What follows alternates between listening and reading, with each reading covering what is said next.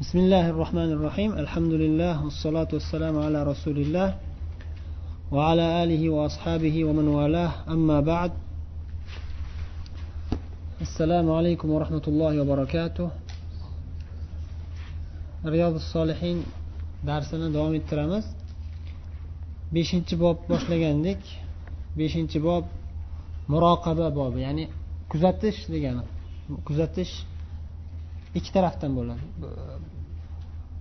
banda alloh taoloni kuzatayotganligini eslab xushu qilib turishligi ham muroqaba deyiladi va alloh taolo o'zi bandalarini kuzatib turishligi ham muroqaba deyiladi alloh taolo kuzatib turadi ba'zi bir oyatlarni zikr qilganlar buni o'tgan darsda o'qib o'tdik hozir hadislarga o'tamiz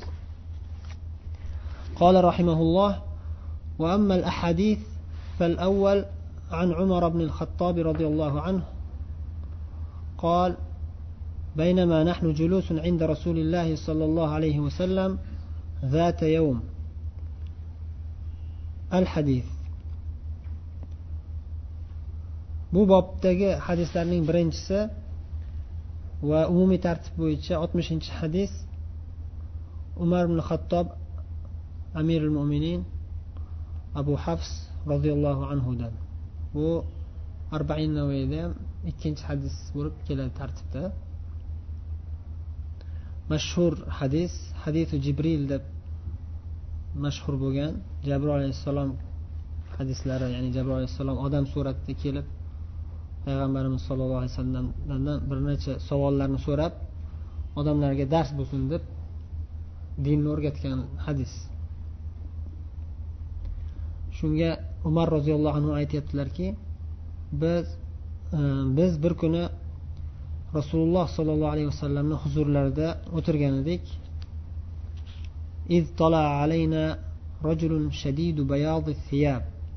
Kiyimlari oppoq bo'lgan bir odam kirib keldi rasululloh suhbatlariga. Rasululloh sollallohu alayhi vasallam masjidda sahobiylar bilan iymonlashib davra qurib o'tirishganda bir shunday oppoq kiyimli odam kirib keldi. Shadidu savadi shar. Soch soqollari qop qora degan shar umumiy hammasiga ishlatiladi bu yerda. Soqolga ham tuk degan ya'ni tuklari soqollari sochlari degani soch soqollari qop qora odam. La yura alayhi atharu safar u odamda safar asorati alomatlari ko'rinmaydi. Vala ya'rifuhu minna ahad. Bizdan hech kim uni tanimaydi. U bir birisi bilan to'g'ri kelmaydigan holat tabiiy holatda odatiy holatda bir birisi bilan to'g'ri kelmayapti bu sifatlarda nimaga? Chunki madina ahlidan bo'lsa hamma bo'lmasa ham ba'zi odamlar tanishi kerak edi lekin hech kim tanimayapti madina ahlidan bo'lmagan bir safardan kelayotgan odam desak u yoq bu yoqlari chang to'zon bo'lib kiyimlari kir bo'lib kelishi kerak edi. Chunki safardan kelganda shunday holatda keladi. Endi hozirgi holatdagi safar emasda endi. Qadimgi safar bilasizlar tuyalarda piyoda yurgandan keyin madinaga kirib kelgandan keyin hamma yog'i kirib bo'ladi kirib kelishdan oldin borib yangi kiyimlarini kiyib olaman desa ham kimdir ko'radi uni undan oldingi holatini. Xullas kalom hayron bo'lib qolishdi. Qanday qilib bu hech kim tanimasa madina ahlidan bo'lmasa e, safardan kelgan odamga ham o'xshamasa kim ekan deb hayron bo'lishyapti. Hatta jalasa ila nabiy sollallohu alayhi vasallam to payg'ambarimiz oldilariga kelib o'tirdi sollallohu alayhi vasallam ikki tizzasini o'tirganda rasululloh sollallohu alayhi vasallam tizzalariga suyantirdi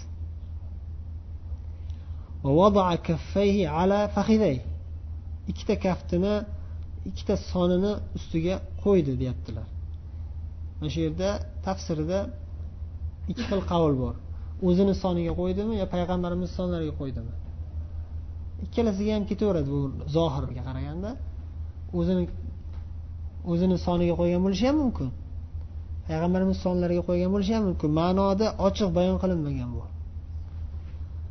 وقال يا محمد أخبرني عن الإسلام ey muhammad sallallohu alayhi vasallam menga islom haqida xabar bering dedi ya'ni islomni menga o'rgating فقال رسول الله صلى الله عليه وسلم الإسلام أن تشهد أن لا إله إلا الله وأن محمدا رسول الله وتقيم الصلاة وتؤتي الزكاة وتصوم رمضان وتحج البيت إن استطعت إليه سبيلا. رسول الله صلى الله عليه وسلم bu savolga javob berib aytdilarki islom shuki la ilaha illalloh muhammadu rasululloh deb guvohlik berasan birinchi o'rinda. Ya'ni ollohdan boshqa ollohdan o'zga ibodat qilishga haqli bo'lgan hech qanday iloh yo'q. Yagona ollohning o'zigina ibodat qilishga haqli bo'lgan zot deb guvohlik berasan. Va muhammad ollohning rasuli deb guvohlik berasan. Shahodat yani birinchisi. Ikkinchisi nima? Sola namozni qoyim qilasan. Namozni to'la to'kis bajarasan. Zaka zakotni ato etasan berasan. Ya'ni siz boy bo'lsangiz zakot beradigan darajada shu zakotni o'sha zakotga haqli bo'lgan insonlarga berishing kerak berasan. Uchinchi o'rinda. To'rtinchi o'rinda ramazon ro'zasini tutasan dedilar. Beshinchisi al bayt ollohning uyi degani. Kabatulloh al bayt deb aytilsa al lil ahd arab tilida ta'rif bir narsani tanishtirish uchun kelgan alf lom har xil ma'noda keladi ba'zida. Ahd uchun deb aytiladi. Ahdi zihniy yoki lil ahdi zikri. Nahu o'qiganda o'tiladi. Yoki zehndagi mahud zehnda ma'lum bo'lgan narsaga ishora bo'lishi mumkin. Yoki jumla gapirayotgan jumlangiz orasidagi kelgan zikr qilingan gapga ishora bo'lishi mumkin. Bu yerda ahdi zehni zehnda odamlar biladi hammasi. Allohning uyi al bayt deganda bitta uy tushuniladi. Birinchi o'rinda ya'ni. Qaysi uy? Kabatulloh. Kabatullohga haj qilasan. Ilayhi sabila. Agar o'sha yerga yetib borib haj qilishga yo'l topa olsang shu yo'lga qodir bo'la olsang shu yo'lga ya'ni haj qilishga yo'l topib shunga qodir bo'lsang dedilar. Buni beshta islom rukni deyiladi va buni tafsilotlari fiqh kitoblarida o'rganiladi. Birinchisi aqida endi. Tavhid ilmi birinchisi. Aqida ilmini hamma bo'laklari shu birinchi rukunga kirib ketadi. Shahodatga kirib ketadi. La ilaha illalloh muhammad rasululloh. Hammasi shuncha kirib ketadi. Iymon rukunlari nechta? Oltita hozir keladi. Shu oltita rukun hammasi asosi nima? Asosi allohga iymon keltirish. Allohga qanday iymon keltirasiz? La ilaha illallohda iymon keltirasiz. Hamma shu iymon rukunlari shu la ilaha illalloh ichida. Shu aqida ilmi bu birinchisi. Qolgan to'rttasi shu aqida taqozo qiladigan islom amallari islom zohiriy amallar rukunlar. U ham zohiriy amal bo'lgani bilan uni qalb bilan bajarilmasa baribir bo'lmaydi. Qalb bilan bajarasiz. Lekin zohiridan ko'rinib turadigan amallar masalan namoz o'qish zakot berish ramazon ro'zasini tutish yani ovqat yeysizku saharlikda keyin o'zi ro'zaga niyat qilasiz keyin iftorlik qilasiz shomda va hokazo. Bu o'sha islom rukunlari. Ularni tafsiloti fiqh kitoblarida o'tiladi aytdik. Buni e, qismi muomala e, ibodat deyiladi. Ibodat qismi ya'ni ibodatlar ya'ni. Keyin ikkinchi qismi fiqh ilmida. Ikkinchi qism nima? Qismul muomalat deyiladi. Muomalatlar qismi. Ya'ni odamlar bilan bo'ladigan muomalalarga taalluqli ahkomlar. U ham o'zi aslida ibodatga kiradi. Niyatingizni xolis qilsangiz bir narsaga misol olib sotadigan tijorat qilyapsiz boshqa qilyapsiz. U asli muomala. Lekin shariat shuni tartiblab qo'ygan. Ilmini o'rgatgan. Shu ilmga amal qilib bajarishingiz kerak. Tijorat qilsangiz ham nikoh ham muomalat nikoh uylansangiz yoki bo'lmasam taloq yoki bo'lmasam sheriklik masalalari har xil muomalalar dunyoda uchraydigan insonlarni boshidan o'tadigan hammasi shariatda bayon qilingan. Hammasi shariatda bayon qilingan o'shanga amal qilish kerak rioya qilish kerak. U ham alohida ilm chuqur ilm. Uni o'rganiladi alaykum assalom va rahmatullohi demak bu yerda islom rukunlarini qisqa suratda aytib berdilar. Shundan keyin jabroil alayhissalom savol beryaptilar jabroil alayhissalom ekanliklarini hali bilishmayapti sahobiylar va hatto rasululloh sollallohu alayhi vasallam ham oxiriga e'tibor berilsa aniq bilmaganliklariga ishora bor. Keladi.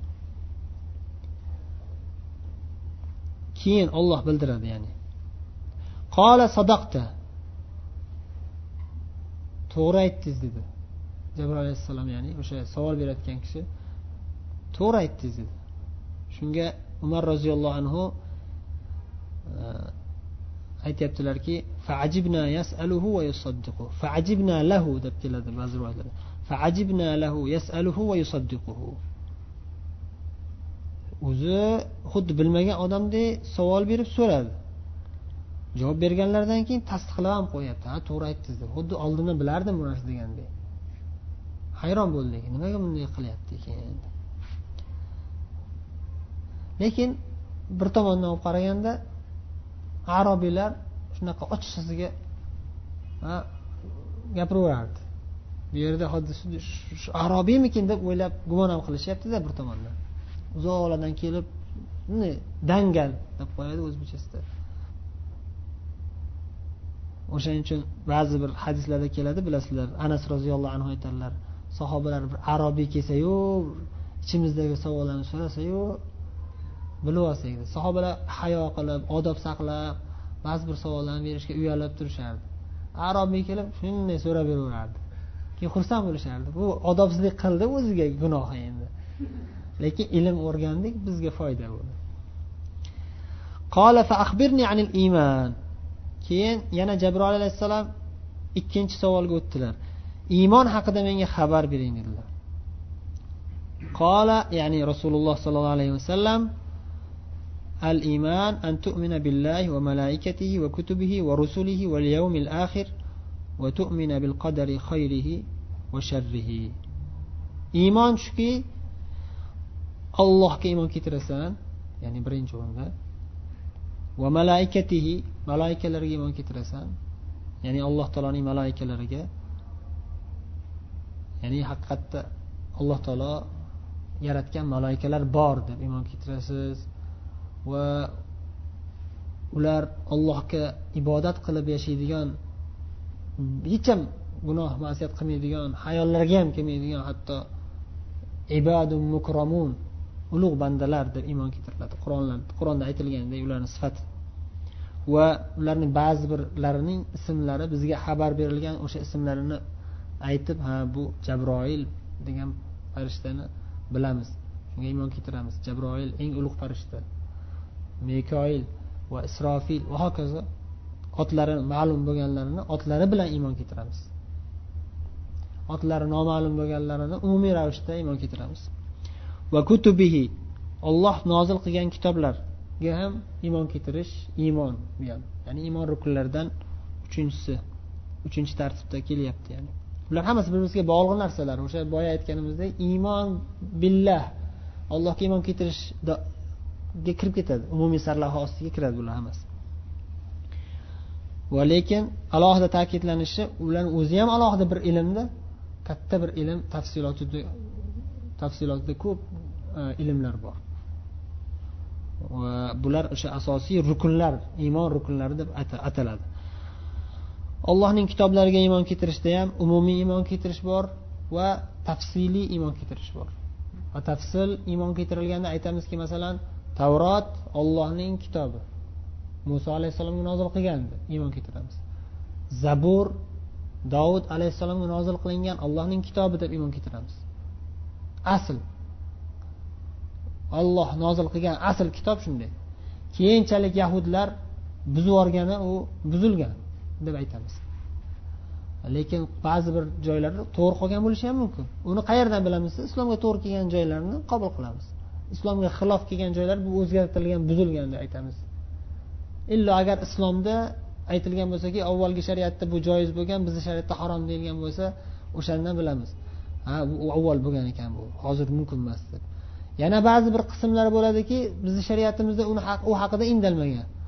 To'g'ri ham deyilmagan noto'g'ri ham deyilmagan ha? Uni aytamizki allohu alam deymiz. Yolg'on ham deyolmaymiz balki to'g'ridir. Rost deyolmaymiz chunki bizda bizda u haqida indalmagan. Haddisu an bani isroil vala haraj. Banu isroildan kelgan xabarlar bo'lsa aytaveringlar gunoh yo'q. Agar shariatga xilof kelmasa. Shariatimizda yo'q o'zi lekin shariatimizga qarshi ham emas. Shuni aytamizki shunaqa kelgan ekan. Banu isroilda shunaqa xabarlar bor. Ular aytadi tavratda deydi balki tavratda bo'lganmi bo'lmaganmi bilmaymiz. Shunaqa gaplar bor ekan deb rivoyat qilamiz. Aniq tasdiqlamaymiz yuz foiz deb toyib. Va injil masalan muso e, iso alayhissalomga nozil qilingan allohning kalomi allohning kitobida iymon keltiramiz. Va umumiy ravishda aytamizki alloh taolo o'zining payg'ambarlariga rasullarga bir qancha kitoblar nozil qilgan. Uni hammasini ham biz bilmaymiz.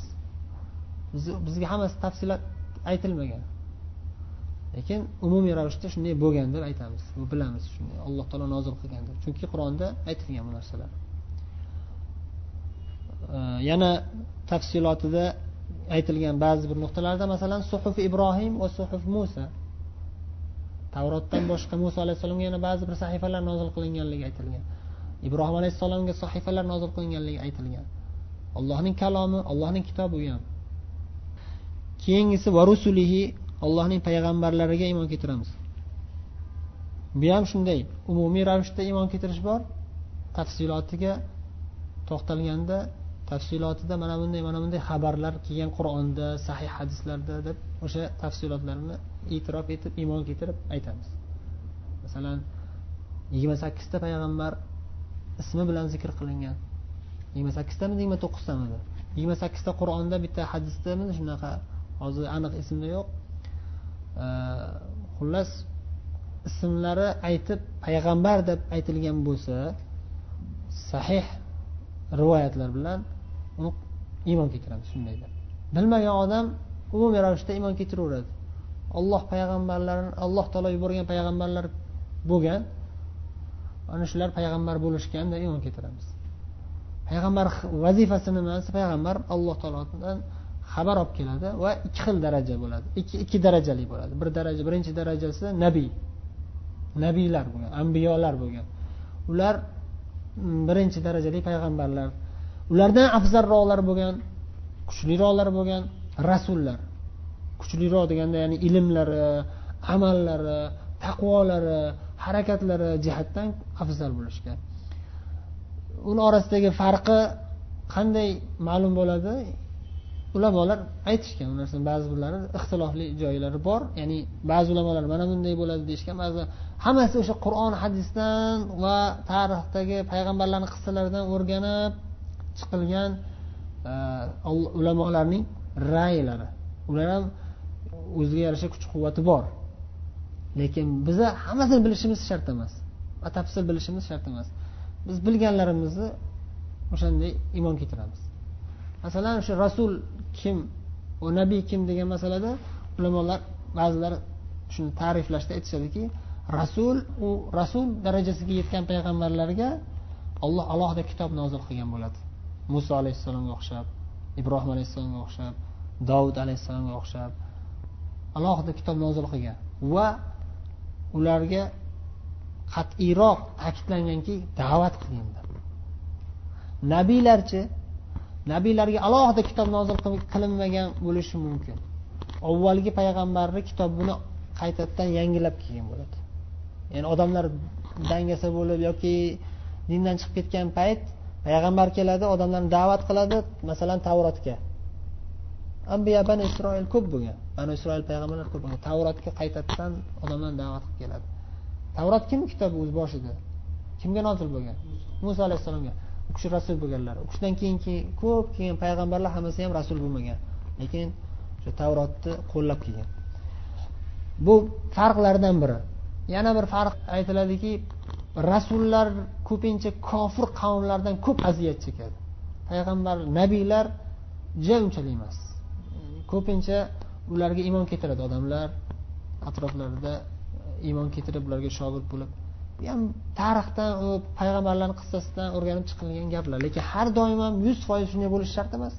Misol uchun hadisda keladi kitob tavhid o'qigan bo'lsanglar payg'ambarimiz sallallohu alayhi vasallam aytadilar qiyomat kuni ba'zi payg'ambarlar keladi nabiy degan ibora bilan keladida yatin nabiy va ma'ahu rajul va rajulan va yatin nabiy va ma'ahu nafar va yatin nabiy va laysa ma'ahu ahad.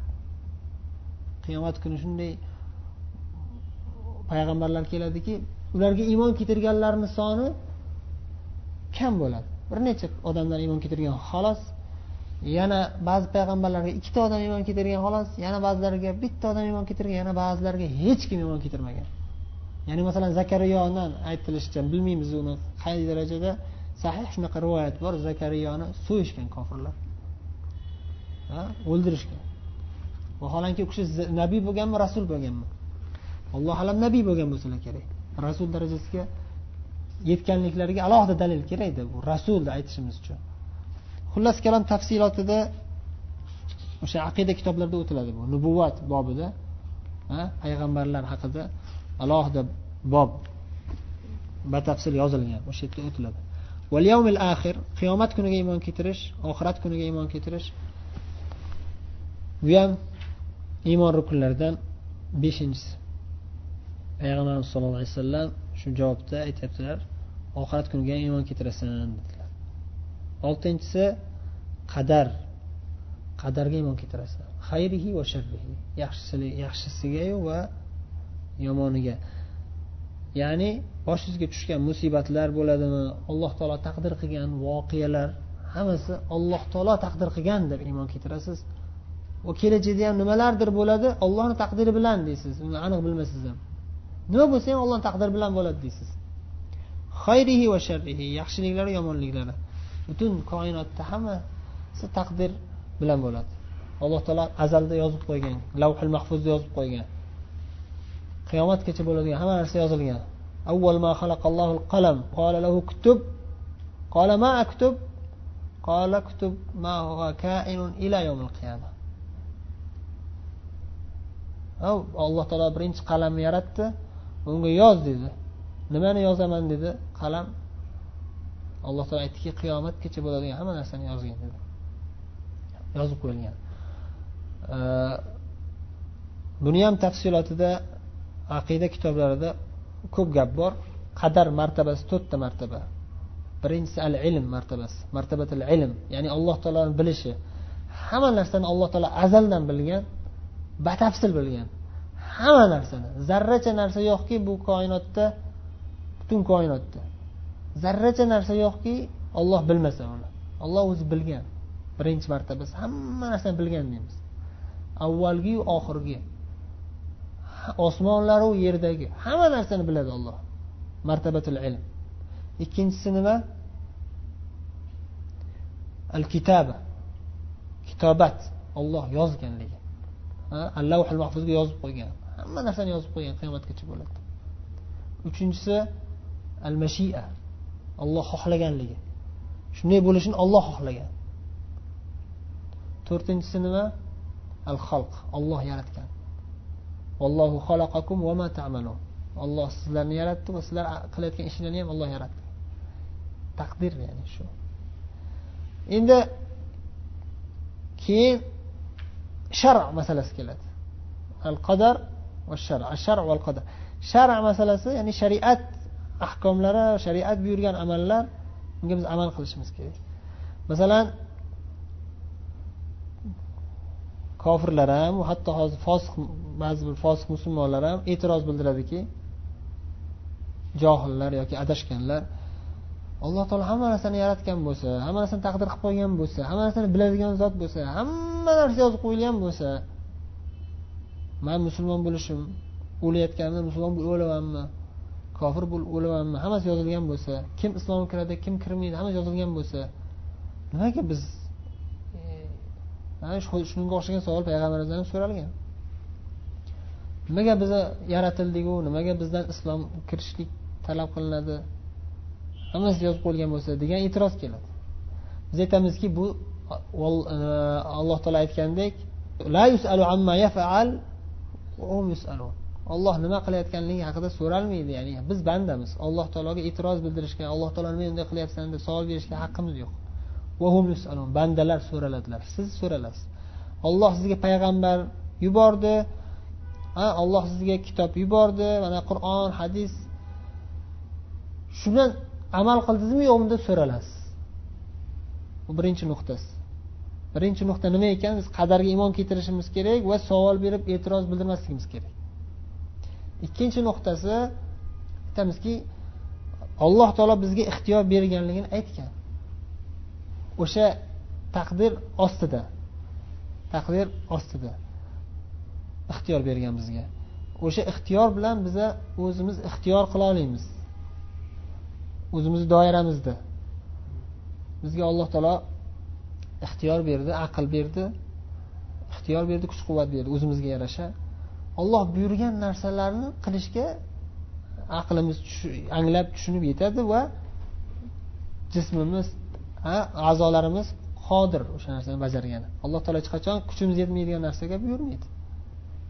La yukallifullohu nafsan illa usaha alloh taolo hech qaysi bir jonzotga o'zining toqatidan tashqari bir narsalarni buyurmaydi taklif qilib yuklamaydi. Nimaiki buyurilgan bo'lsa shariatda o'sha narsani insonlar qila oladi va undan ham ortiq qilishi mumkin nafl ibodatlar ya'ni.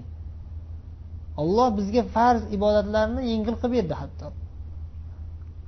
Ayniqsa biz ummatimizga avvalgi ummatlarga qaraganda ham yana ham yengil qilib berdi. Undan ham ko'p narsalarni bajarishga qodirmiz o'zi. U yog'ini nafl qilib qo'ydi. Xullas buni tafsilotida um, gap ko'p. Yana o'sha taqdirda e'tiroz bildiradiganlarga javoblardan javoblar ko'p. Shulardan biri masalan eng asosiylaridan biri odamlar. Soddaroq qilib aytganda tushunadigan qilib. Ular hech qachon dunyoviy masalalarda e'tiroz bildirmaydi. Ibodat qil namoz o'qi deganingizda islomga kir deganingizda keyin taqdirni hujjat qiladi. Shayton ham shunday. O'sha odamga aytiladiki san misol uchun tirikchilik qilyapsan ish qilyapsan tijorat qilyapsan taqdirda yozilganku agar rizqim bo'lsa keladi o'zi uyda o'tiravering yon boshlab olib demaysanku. Kim shunaqa desa nima deyiladi? Bu jinni deyiladi. Bu ahmoq jinni ekan bu ahmoq ekan deydi. Hamma aytadi kichkina bolalar ham katta bolalar ham hammasi nima? Kattalar ham kichkinalar hammasi biladiki odam harakat qilishi kerak. Aqlini ishlatib harakat qilish kerak jinniga o'xshamasdan. Tirikchilik qilmoqchi bo'lgan odam bunday tuzukroq o'ylab ish qiladida kattaroq oylikga bir kishi kel man sanga ming dollar oylik beraman desa tayyor ish turibdi osongina ish turibdi kel desa yo'q kerak emas bu deb ketsa nima bo'ladi? Jinni bo'ladi. Hokazo raddiyalar ko'p.